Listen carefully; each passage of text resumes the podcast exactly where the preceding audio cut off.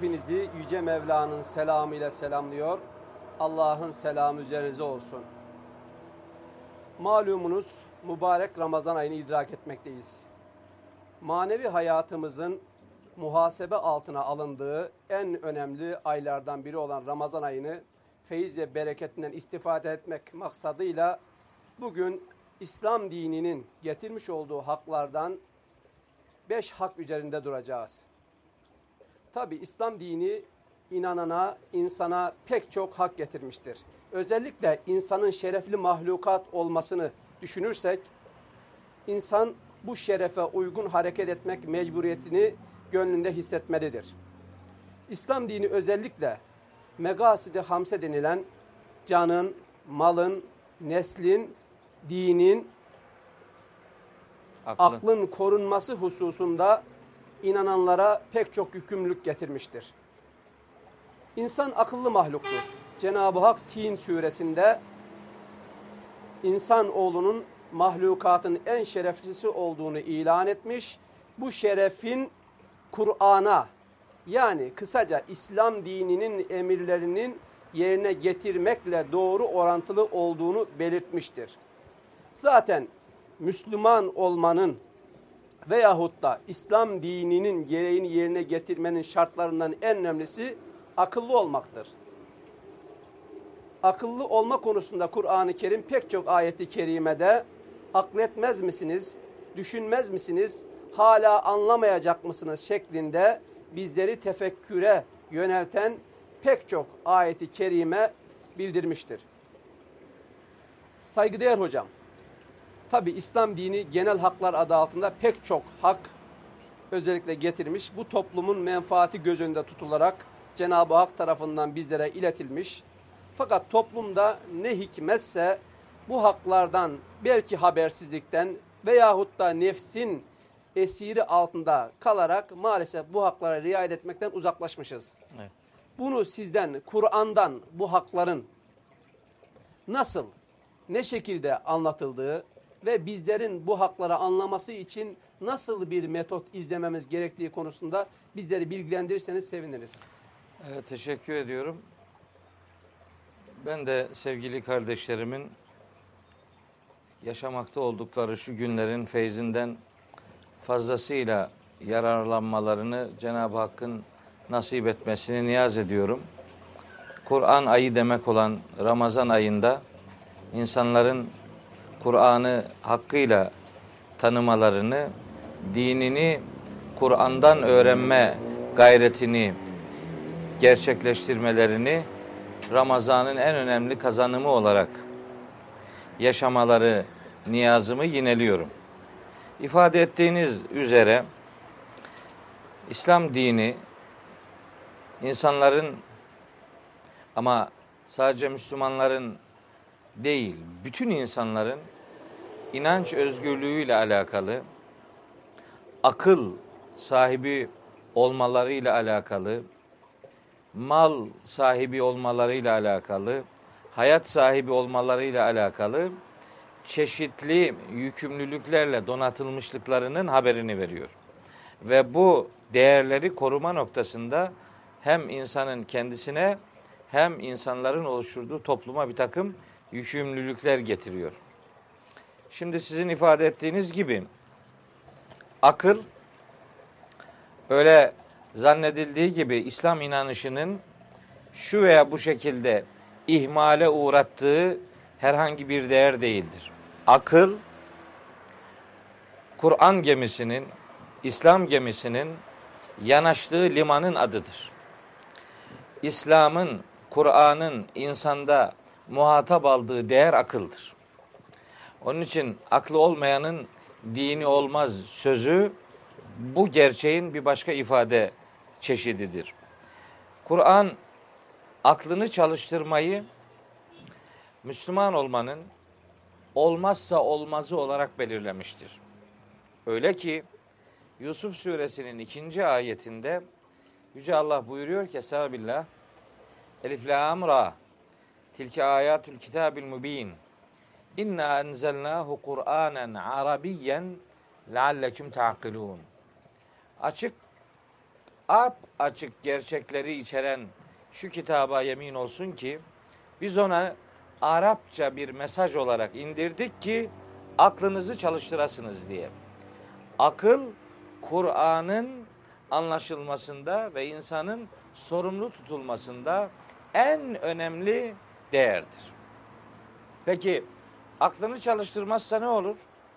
Aklını çalıştırmayanlara ne olacağını Kur'an-ı Kerim şu ifadeyle bizlere bildiriyor. Bakınız Yunus suresinde Yüce Allah Yunus suresinin 100. ayetinde akla verdiği önemi ve aklını kullanmayanları nasıl nitelendirdiğini şu ifadelerle bize sunuyor. Buyuruyor ki ayetin yarısını söylüyorum. Estağfirullah.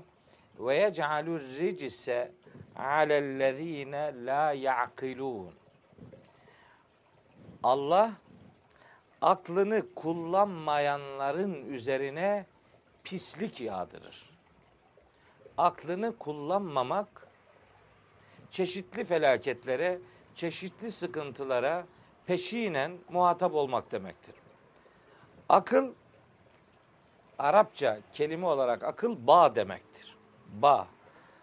İnsana Kur'an'ın verilmesi insanı Kur'an'a bağlamayı, insanın Allah'a bağlamayı, insanı dine bağlamayı, insanı hakikate bağlamayı hedeflemesi noktasından çok önemlidir. Bu bağ insanı hakikate ulaştıran bağdır. Onun için Kur'an-ı Kerim'in isimlerinden biri de habldir, ip demektir. İp, Allah'ın ipi Kur'an isimlerinden bir tanesidir. Akıl insanın Allah'ın ipine sımsıkı sarılmasını sağlayan en önemli değerimizdir. O itibarla İslam inanışı aklın korunması noktasında son derece titizdir. Aklın kullanılması noktasında son derece teşvikkar ifadelere sahiptir. Hani din akıl işi değildir, mantık işi değildir gibi bir takım sözler ısrarla söylenir. Bunları ciddiye almayı bile akla ziyan sayıyorum. Eğer din aklın algılayamayacağı esaslardan oluşuyorsa aklın muhatap alınmayacağı bir takım ilkelere sahipse dinin akılla diyaloğunda sorunlar yaşanıyor diye bir takım iddialar ortaya konuyorsa mahza Kur'an'ın akılla ilgili verdiği bilgileri bilememe sorunu yaşanıyor demektir. O itibarla akılın bağ anlamından hareketle insanın hayata, kitaba, gerçeğe ve Allah'a bağlanmasını sağlayan en önemli değere İslam'ın ve Kur'an'ın da layık olduğu değeri verdiğini bu ekranlardan sevgili kardeşlerimize ifade etmiş olalım. İkinci e, özellikle korumayı garanti altına almak istediği değer inanç, inançtır, dindir. Hocam saygıdeğer hocam burada bir soru sorabilir miyim? Aklın korunması ile ilgili. Buyurun. Özellikle Kur'an'ın, Nas'ın akla, özellikle hani akıl, Nas çatışır mı, çatışmaz mı biliyorsunuz.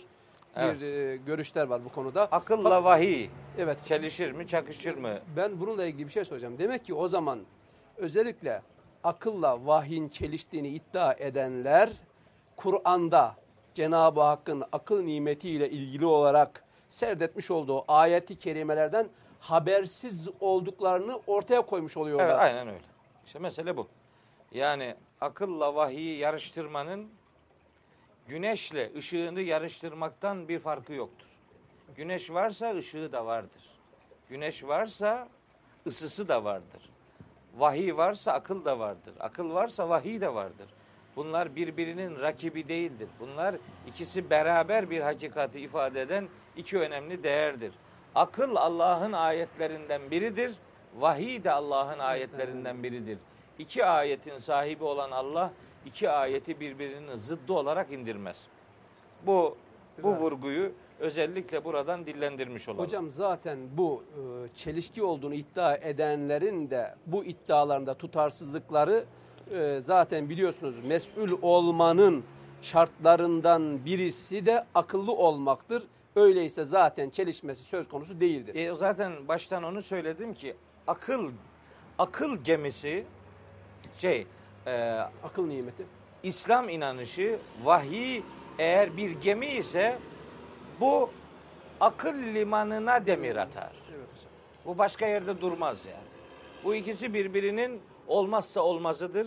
İkisini kavga ettirmeye, yarıştırmaya gayret etmek Kur'an'ın akla verdiği değeri görmemek anlamına gelir. Hocam bu beş esastan dinin korunması hususunda da Kur'an-ı Kerim'in emirleri var. Var.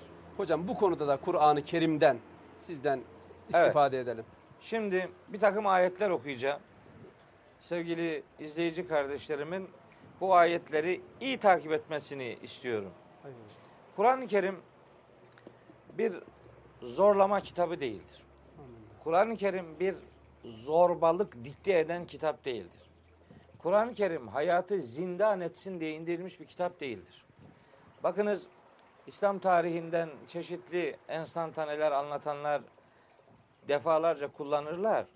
Hazreti Ömer'in Müslüman oluşu olayı anlatılırken kız kardeşiyle eniştesinin Kur'an okurken evlerine gittiğini ve onların okuduğu metnin manasından hareketle Hazreti Ömer'in Müslüman olduğunu anlatırlar. Biz bunu biliriz.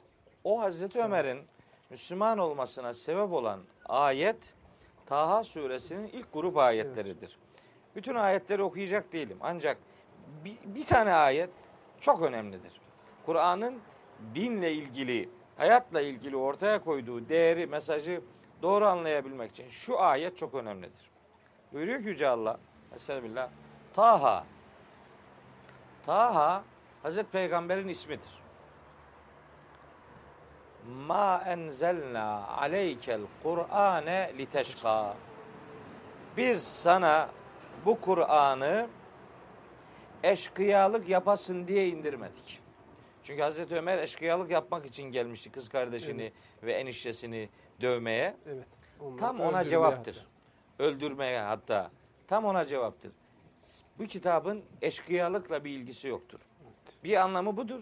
Bir anlamı da liteşka demek hayatı çekilmez yapmak demektir.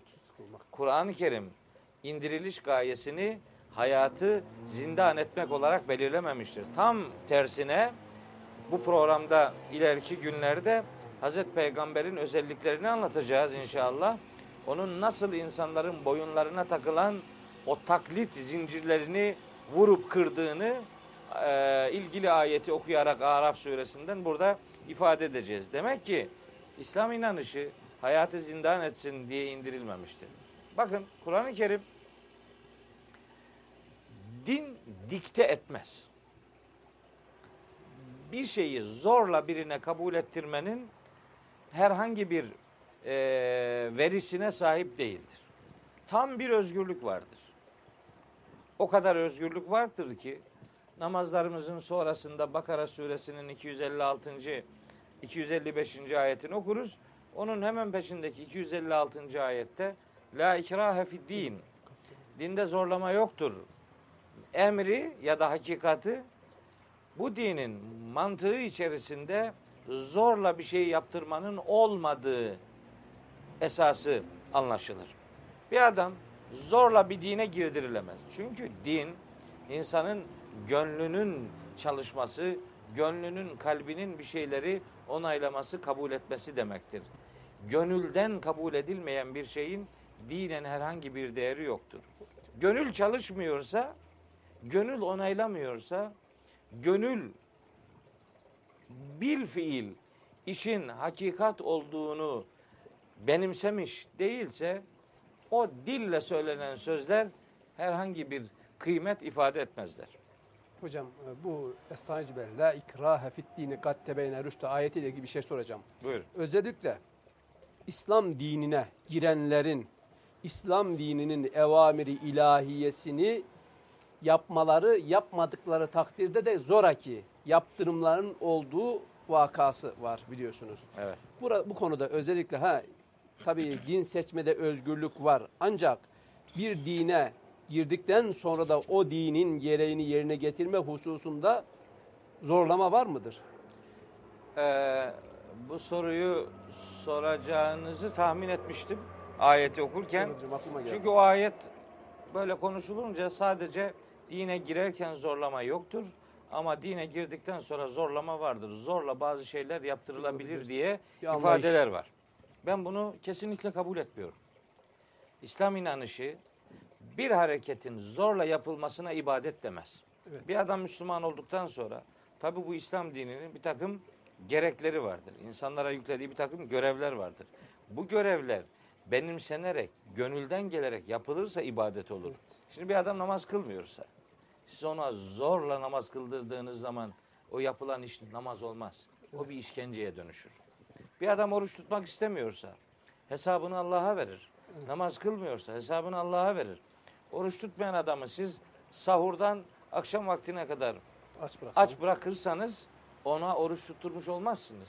Onu aç bırakmış olursunuz. Zaten hadiste hocam biliyorsunuz. Daha önce söylemiştik. Evet. Yani açlık söz konusu olur. Oruç söz konusu olmaz. Zorla bir insanın bir insana insanın insana borcu varsa hani zekat gibi infak gibi bir borç ise Hak.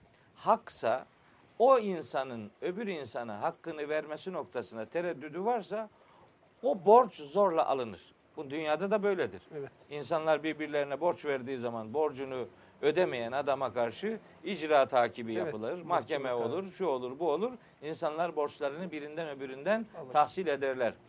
Ama Allah'a karşı borçlarda insanlar birbirlerini zorlayamazlar.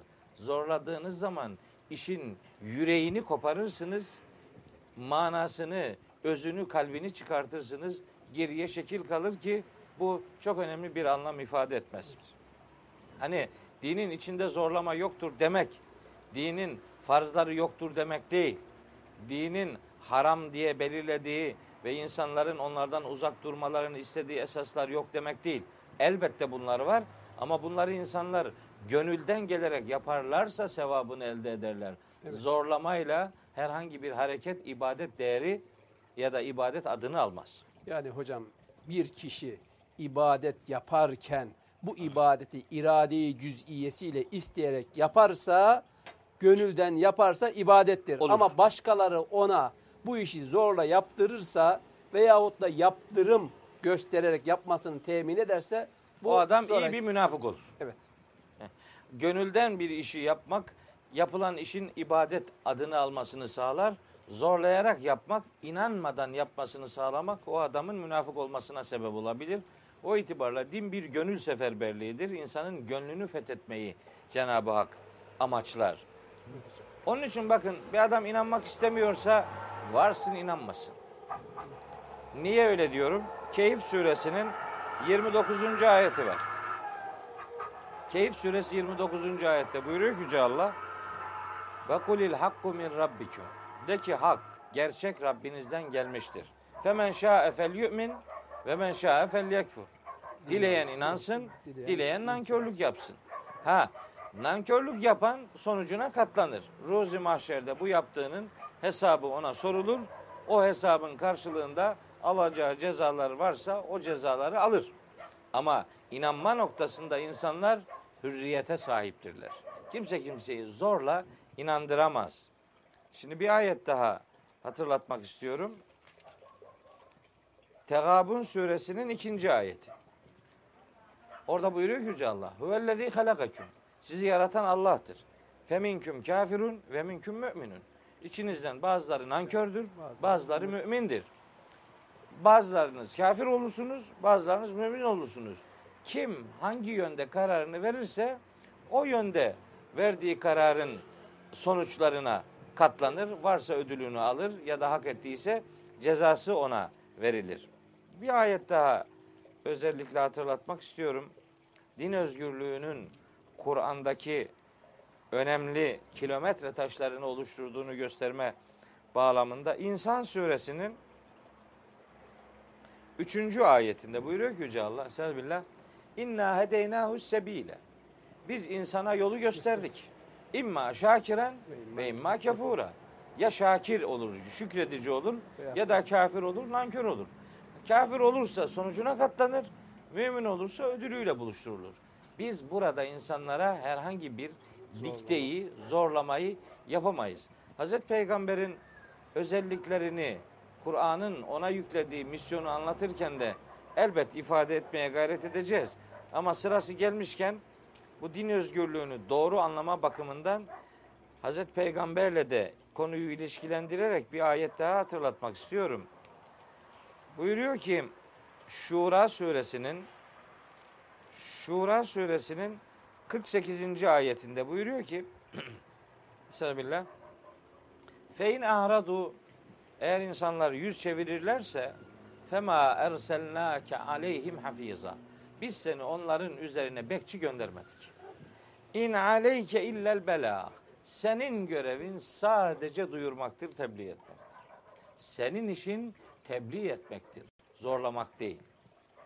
Ha, bu ayeti söyleyince başka ayetler de hatırıma geliyor. İşte istemer onları da ifade edelim. Buyuruyor ki Yüce Allah İnnemâ ente müzekkir. Gâşiye suresinin eee 21. ayeti, 22. ayeti, 23. ayeti bunu söylüyor. Buyuruyor ki Estağfirullah. Fezekkir. Sen hatırlat. Sen öğüt ver. İnnemâ ente müzekkirun. Senin işin öğüt vericiliktir. Sen sadece öğüt vereceksin. Leste aleyhim bi müseytirin. Sen insanların üzerine bir zorba değilsin. İlla men tevella ve kefer. Kim yüz çevirir, nankörlük yaparsa feyuazzibuhullahul azabel ekber. Allah ona en büyük azabı yapar öbür alemde. Burada peygamberin görevi de insanlara gerçeği duyurmaktır. Kur'an'ın indiriliş gayesi de budur. Bu özgürlüğü insanlara tanımaktır. Bakın eee İnsan suresinin 29, 30 ve 31. ayetleri var. Orada diyor ki Yüce Allah İnne hâzihi tezkire. Kur'an bir hatırlatmadır, bir öğüttür. Femen şâ'ettehaze ilâ rabbihi sebîlâ. Dileyen Rabbine giden yolu bulur Kur'an'dan. Ve ma teşaûne illâ inşaallah. Böylece siz Allah'ın dilediğini dilemiş olursunuz. Yani o öğütten yararlanırsanız Allah'ın istediğini de yapmış olursunuz. Bu bağlamda daha bir sürü ayet var. Bir tane daha söyleyeyim. Müddessir suresinin 50 54 ve 55. ayetleri kella hayır hayır iş onların zannettiği gibi değil. İnnehu tezkiretun. Kur'an bir hatırlatmadır. Femen şa'e zekerehu. Dileyen bu hatırlatmadan öğüdünü alır. Dileyen öğüdünü alır. Almak istemiyorsa alamaz, almaz. O onun bileceği bir iştir. Bundan önceki programların birinde Abese suresini hatırlatmıştık. Orada peygamberimizin zengin, hatırı sayılır insanlara yönelip ama bir sahabiyi ihmal etmesi önemli bir uyarıyla karşılanmış idi. Ve uyarı da diyor ki Yüce Allah Kella inneha tezkire İş senin zannettiğin gibi değil. Kur'an ayetleri birer hatırlatmadır, birer öğüttür. Femen şa'e zekara. Dileyen bu öğütten istifade eder. Adam inanmak istemiyorsa varsın inanmasın. Öyle diyor. Ve ma aleyke ella yezzekka. Onların arınmak istememesinden sen sorumlu değilsin. Sen duyurursun. ısrarcı olmanın bir anlamı yok. Zorlamanın hiçbir anlamı yok. Kur'an-ı Kerim alabildiğine din özgürlüğü getirmiş bir kitaptır. Öyle hiç kimse bu kitabı zorlayan, insanları efendim hayatı çekilmez şekilde e, sunan bir e, kitabın muhatabı gibi tanıtamazlar. Tanıtmamalıdırlar. Çünkü Allah'ın kitabının öyle din dayatmak diye, zorla insanlara din dikte etmek diye herhangi bir ilkesi, herhangi bir misyonu söz konusu değildir. İnsanlara din sunulur. Onu sunan insanın nasıl sunacağı noktasında bir takım ilkeleri elbette vardır. Var o ilkelere sadakat gösterirse insanlar o sadakatin karşılığı olarak hayatında da o söylediklerini uyguluyorsa hayatında ona örnek olarak bir görev icra etmiş olur. Ama zorlayarak insanlar herhangi birini ne dine sokabilirler ne de dinden çıkartabilirler. Dine sokmada da zorlamak yoktur.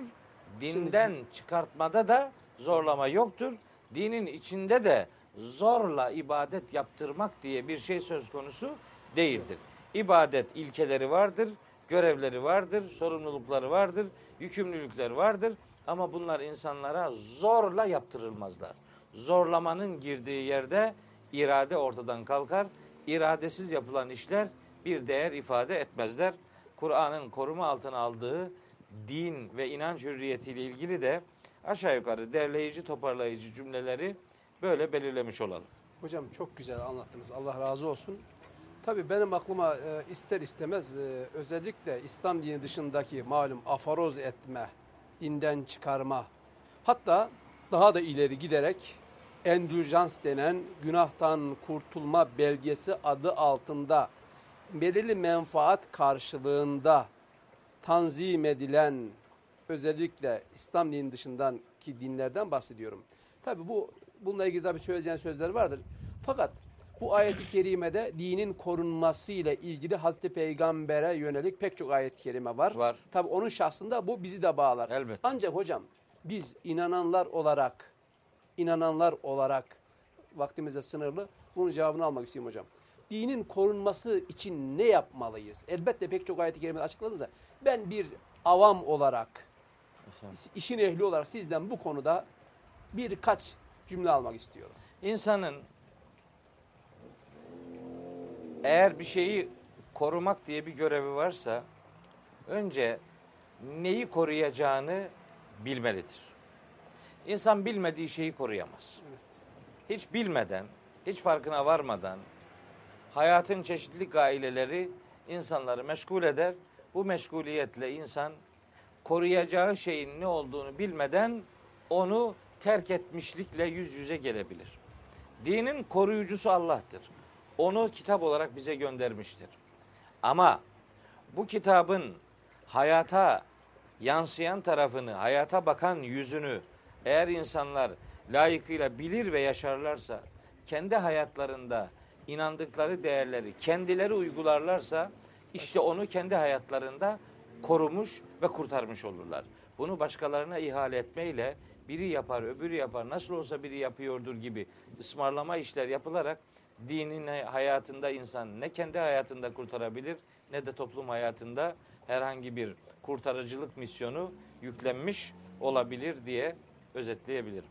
Sevgili izleyiciler, İslam'ın koruma altına aldığı ve korunmasını istediği genel haklardan iki tanesinden bahsettik. Aklın korunması, dinin korunması. Bir sonraki Ramazan sohbetleri adlı bölümümüzde bu genel haklar üzerinde sohbet etmeye devam edeceğiz. Tekrar görüşmek dileğiyle selamlar, saygılar. Müzik